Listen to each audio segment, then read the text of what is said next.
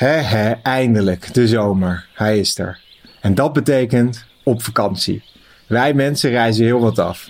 Maar wist je dat de planten stiekem ook heel reislustig zijn? Mijn naam is Gispert van Balen en ik ga voor de Hortus in gesprek met biologen, wetenschappers, ondernemers en schrijvers die zich bezighouden met de natuur. Bij een nieuw seizoen hoort een nieuwe Hortus Talks reeks. Wij duiken deze zomer in de wereld van reizende planten. Nu denk je misschien, een plant staat daar met haar wortels stevig en onbeweeglijk in de grond. Die beukenboom in het park naast mijn huis pakt niet iedere zomer de koffers. En ook de ligusterstruik in je straat gaat geen kant op. Toch vindt er binnen het plantenrijk wel degelijk migratie plaats. Denk maar eens aan de effecten van klimaatverandering.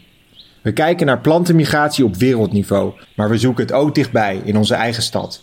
Vijf razend interessante sprekers geven ons een inkijkje in dit bijzondere fenomeen. De gast zijn onder andere boswachter Marieke Schattelijn, bekend van het televisieprogramma Binnenste Buiten, en Menno Schildhuizen, naturalisonderzoeker en expeditieleider bij Taxon Expeditions. Wacht dus nog even met het vakantieboeken en kom deze zomer naar de Hortus. Vanaf 21 juli ben je iedere twee weken op donderdagavond welkom in ons kastlokaal. Voor meer informatie en tickets kijk je op www.dehortus.nl of hou onze social media in de gaten.